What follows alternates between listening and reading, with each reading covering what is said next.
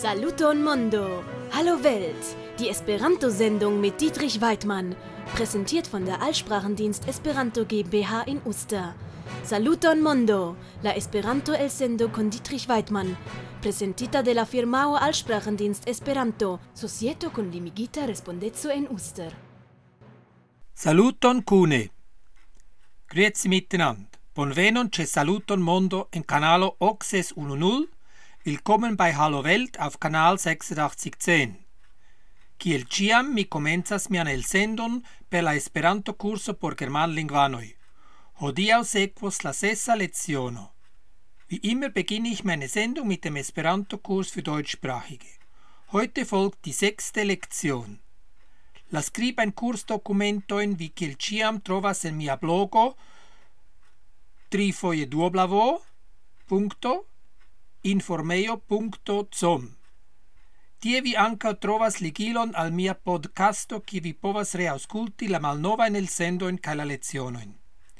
Die schriftlichen Kursunterlagen findet ihr wie immer auf meinem Blog unter www.informeio.com. Dort findet ihr auch den Link zu meinem Podcast, wo ihr die früheren Sendungen und Lektionen erneut hören könnt. Lektion 6. Leziono 6. Saluton Colombina! Ĉu vi bone dormis? Hallo Colombina. Hast du gut geschlafen? Kiel vi krias tiel laŭte? Estas ankoraŭ meze en la nokto. Warum schreist du so laut? Es ist noch mitten in der Nacht. Ne estas plu nokto, sed estas jam la oka matene. Es ist nicht mehr Nacht, sondern es ist schon 8 Uhr morgens. Estas dimanĉo. Dimanĉe je la oka matene estas ankoraŭ meze en la nokto. Es ist Sonntag. Am Sonntag um 8 Uhr morgens ist für mich noch mitten in der Nacht. Sed ni diris, ke ni faros ekskurson hodiaŭ. Sed se vi ankoraŭ estas laca, mi povas veni pli malfrue. Pardonu, ke mi vekis vin. Aber wir haben gesagt, dass wir heute einen Ausflug machen werden. Aber wenn du noch müde bist, kann ich später kommen. Entschuldige, dass ich dich geweckt habe. Eh, Ne gravas. Venis jam knabo en mian ĉambron. Do mi ĉial. Kien ni volis iri? Macht nichts, es ist bereits ein Junge in mein Zimmer gekommen. Da bin ich sowieso aufgewacht. Wohin wollen wir gehen? Ni volis visiti la akvofalojn de Betlis super la Valenlago. Wir wollen die Wasserfälle von Betlis über dem Wallensee besuchen. Ĉu Brigella kaj Arlekina ankaŭ venos? Kommen Brigella und Arlecchina auch? Yes! Ili ambaŭ jam delonge estas vekitaj kaj pretigas la matemanĝon. Ja, sie sind beide schon lange wach und haben das Frühstück vorbereitet. Ĉu? Nia tuta loĝo komunumo jam estas vekita kaj mi ankoraŭ dormas? Tio estas inversigita mondo. Do mi tuj leviĝas. Was? Unsere ganze Wohngemeinschaft ist schon wach und ich schlafe noch? Das ist eine verkehrte Welt. Also stehe ich gleich auf. Venu matemanĝi, la ovoj malvarmiĝos. Kommt frühstücken, die Eier werden kalt. Venu, Arlecchino. Lassu Colombinan tranquille. Ŝi tamen ne amas vin, sed mi amas vin. Komm, Arlecchino, lass Colombina in Ruhe. Sie liebt dich ja doch nicht. Aber ich liebe dich. Mi ŝatas vin multe, Arlekina, sed vi scias, ke mi amas nur Kolombinan. Ich habe dich sehr lieb, Arlecchina. Aber du weißt, dass ich nur Colombina liebe. Ah, la vivo estas komplika. Mi amas vin, Arlecchino. Vi amas Colombinan, kaj Colombina kaj Brigella amas min. Das Leben ist kompliziert. Ich liebe dich, Arlecchino. Du liebst Colombina und Colombina und Brigella lieben mich. Eh, mi amas Kolombinan kaj Arlekinan, sed nun venu manĝi. Ĉar kion mi definitive ne amas estas malvarmaj ovoj kaj malvarma kafo. Ich liebe sowohl Colombina als auch Arlecchina. Aber kommt jetzt essen. Denn was ich definitiv nicht liebe, sind kalte Eier und kalten Kaffee. La mirinda odoro de kafo vekas, kaj vi bele pretigis la matemanĝon, Brigella kaj Arlekina. Der wunderbare Duft von Kaffee macht wach und ihr habt das Frühstück schon vorbereitet. Brigella und Arlecchina. Bone appetiton al ĉiuj! Einen guten Appetit für alle. Dankon same! Danke gleichfalls. Ĉu vi jam pretigis la sandviĉojn por nia pikniko? Habt ihr schon die Sandwich für unser Picknick vorbereitet? Yes, Arlecchina kai Brigella pretigis cion, kai mi pakis la tuton en mian dorso sakon. Ja, Arlecchino und Brigella haben alles vorbereitet und ich habe das Ganze in meinen Rucksack gepackt. Arlecchino portas libervole la dorso sakon? Kia surprizo! Arlecchino trägt freiwillig den Rucksack. Welch eine Überraschung. Do, finu la babiladon! Ni devas ekiri! Je la deca tridec nau equecturus nia traino de la staziodomo de Uster. Also beendet die Plauderei. Wir müssen los. Um 10.39 Uhr fährt unser Zug vom Bahnhof Uster ab. Yes, kai ni devas ancora aceti la trajnbiletoin. Ja, und wir müssen noch die Zugfahrkarten kaufen. Mi ne besonas bileton, char mi havas generalan abonon. Ich brauche keine Fahrkarte, da ich ein Generalabonnement habe. Vi havas abonon, sed ni aliajn bezonas aĉeti bileton. Do, ek! Du hast ein Abonnement, aber wir anderen müssen eine Fahrkarte kaufen.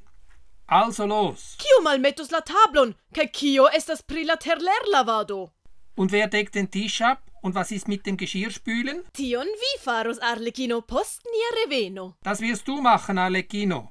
Nach unserer Heimkehr. La kvar geamikoj leviĝas, vestiĝas por la ekskurso kaj Arlecchino prenas la dorsosakon kaj ili iras al la staciodomo. Die vier Freunde erheben sich, ziehen sich für den Ausflug an und Arlecchino nimmt den Rucksack und sie gehen zum Bahnhof. Hier sind wir am Ende der Dialoge für heute.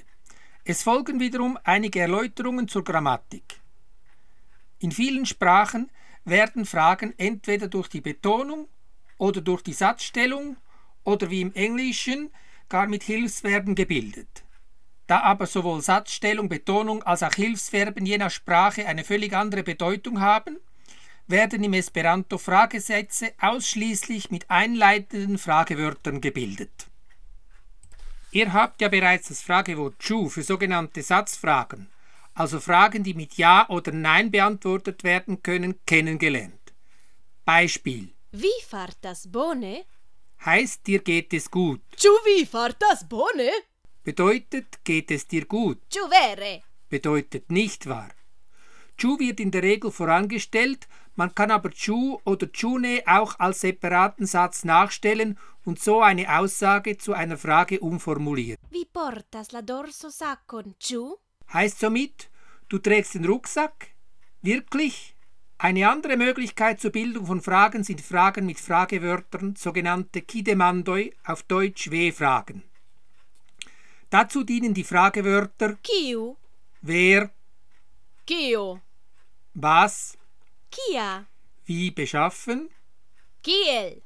wie auf welche Weise, Kie? wo, Kien? wohin, Kial? warum, Kiam? wann, Kies? wessen und Kium? wie viel. Die Vorsilbe mal bezeichnet das Gegenteil eines Wortes, ähnlich wie im Deutschen un. Beispiele Granda? heißt groß und Malgranda? somit klein, Mi amas lin. heißt ich liebe ihn und Mi mal amas lin. somit ich hasse ihn.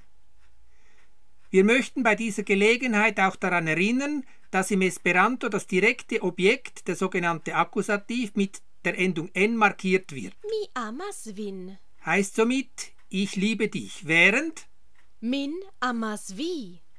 Mich liebst du bedeutet. Damit sind wir wieder am Ende der heutigen Lektion angelangt. Das Kursmaterial findet ihr auf meinem Blog www.informeo.com und ihr könnt es euch von dort als PDF herunterladen und ausdrucken. Dort findet ihr auch den Link zu meinem Podcast, wo ihr euch die Lektion und auch die früheren Sendungen nochmals anhören könnt. Jenny attingis la finon de nia hodiaŭa leciono. La kursmaterialon vi trovos en mia blogo sub trifojeduoblavo.informeio.com de kie vi povas elŝuti ĝin kiel podofo kaj elprinti. Vi tie ankaŭ trovos la ligilojn al mia podcasto, kie eblas reaŭskulti la lecionon kaj ankaŭ la malnovajn elsendojn. Saluton al mia hodiaŭa Esperanto-programo ĉe kanalo Oxes 1.0. Mi hodiau parolos al vi pri Heidi de Johanna Spiri. Ciam oni parolas en la mondo pri Svislando, homoi pensas en clishoi pri horlogioi, cioccolado, Wilhelm Hotel cae Heidi.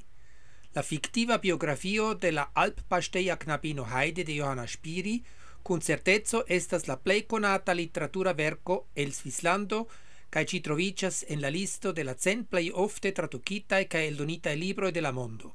Sole en la Japana aperis pli ol cent traducoi. En 2016 mia eldonejo Alsprachendienst Esperanto Komopoho aperigis la du Heidi volumon la originala versio de 1879 ancau en Esperanto. Kun Heidi Johanna Spiri creis svisan miton. Christoph Gross nomis en sia esseo Heidi la etta montara diajo, tel cae Heidi la protecto dioi de tut ordinara Svislando. Dum Wilhelmo Tell representas la malfrumes epocan fonteron, la sen culpa eta knabino quasau estas lia contra contraupoluso. Johanna Spiri, la creinto de Heidi. Johanna Spiri provis dum sia tuta vivo forvisci sia in spuroin cae tiel presca cio cion oni nun tempe scias pri sci devenas el sciai letteroi al triuloi cae diversae taglibrae notoi cae la scribae post la sagioi de homoi e la circavajo de Johanna la supposeble plei klarigan biografion de Johanna Spiri verkis Regine Schildler. Johanna Luise Heusser nascicis che la quara de ses infanoi de la curazisto Johann Jakob Heusser ca de la religia poetino Meta Heusser Schweizer, la dectuan de junio 1817 en la alte super la lago de Zurico situita villaggio Hirzl en cantono Zurico. En 1842 Johanna translocicis en la agio de decvin jaroi por la visitado de la supera filina lerneio al sia unclino en Zurico, cae ecte la somero 1844 si pasigis du jaroin en knabina pensionato en Iverdon, kie si lernis la franzan lingvon. De 1846 ĝis ŝia edziniĝo cun la surica juristo Bernhard. Spiri la dauan de septembro 1852 si vivis denove en sia gepatra domo, kie si occupicis pri la instruado de siaj plei iunae gefratoi. Bernhard Spiri estis conatulo de la musicisto Richard Wagner, quiu fucis el Dresden el sia exilo en Zurico. Por ties honoro Johanna Spiri verkis passian poemon ocase de la concerto dum ties quardecca nascitsta Treveno la dudectuan de maio 1853 en Zurico. Pri la autorezzo de citiu poemo fare de Spiri inizias nur el lettero de Betsy Meyer. Wagner laudire transigis al Johanna Spiri kiel danko por tiu poemo la porcelan tasson conatan kiel Wagner tasso, kiu actuale trovicas en la Johanna Spiri archivo en Zurico. En la jaro 1855 nascicis la sola infano de Johanna Spiri, sia filo Bernhard Diethelm. Dum sia gravedezzo, Johanna Spiri travivis profundan depression de kiu si suferis dum multa jaroi. En settembro la familio translocicis al la domo zum liegenden Hirschli, ce Hirschengraben dek. Tri jarojn poste Bernhard Spiri akiris la domum Bremerhaus ce Hirschengraben ses. Post ciam li estis nomumita urboscribisto de Zurico, postenum kiun occupis antau li la conata verkisto Gottfried Keller, la familio en la jaro 1860 translocicis alla urbodomo ce Kratzplatz. Pri la geetza vivo de Johanna Spiri multae biografistoi racontas che tio ne estis tre felicia. Tion tamen ŝajnas malbrui la esploradoj de Regine Schindler grandparte. Johanna Spirit tamen dum longa tempo suferis de depresioj kiu daŭris ĝis 1871, kiam ŝi ec ekpaŝi kun sia unua verko Folio sur la tombeio de Vronjo alla la publiko, verko kiun publikigis Pertes, kiu poste ankaŭ eldonis la libron de Heidi en Gotau. Tio estis la komenco de vigla literatura verkado de Johanna Spirit si ecte tiam metis al si celon eldoni ciujare almena unu libron. En 1875 signoro urbo scripistino, kiel oni si tiu tempe nomis en Zurico, estis nomumita inspectistino de la supera filinlerneio en Zurico, cium officon si plenumis cis sia morto en la jaro 1901. La successo cun Heidi. En decembro 1779 aperis la libro La migro cae lerno jaroj de Heidi datita je 1880, kiun sequis en 1881 la dua volumo Heidi povas applici cion si lernis. Ambau Heidi libroi havis plenan successon. Jam en 83 aperis la unua franca tartuco de Camille Vidar cae en 1885 sequis la unua angla versio ci Cis de quin la Heidi libroi aperis in quindec du libroi cum completa el don quanto de pli ol quindec milionoi da exempleroi. De Heidi aperis bildracontoi, radiodramoi cae nombrae filmversioi. En marto 2016 la migro cae lerno jaro de Heidi enia al a aperis la unuan foion en Esperanto, cae in julio sequis la dua volumo. Heidi povas applici kion si lernis. Ancao en la Esperanto versio Heidi estis ja mallonge post cia apero furor libro. La esticcio de Heidi cae la mitto. La jaro 1870 knau, en kiu Johanna Spiri scribis sian Heidi libron, la verkistino havis tre intensivan jaron. En aprilo signorino urbo scripistino occupicis en bon fartiga agado pri du malsana infanoi cium ci iris preni en Heidelberg cae portis al die tre malsana patrino en Zurico. Tiam si esis occupito per la finado de sia Olga libro cae samtempe si frequentis latin curson en la supera filin lerneio. Pri la esticio de Heidi ni excias nur ion el rimarco el letero la 25 de octobro septecnau en quiu si fixis por Cristnasco aperos infan racconto. Cio povas esti la slosilo alla successo de la Heidi figuro. Scribato por Johanna Spiri esti spezzo da libericcio maniero da mem terapio por la superado de sia depressio. Johanna Spiri uno flanque estis markita de sia profunda religiemo cae sia tre conservema burcia circavajo en la pli bona surica societo cae ali flanque tamen ancao de strebado al libericcio cae mem plenumicio.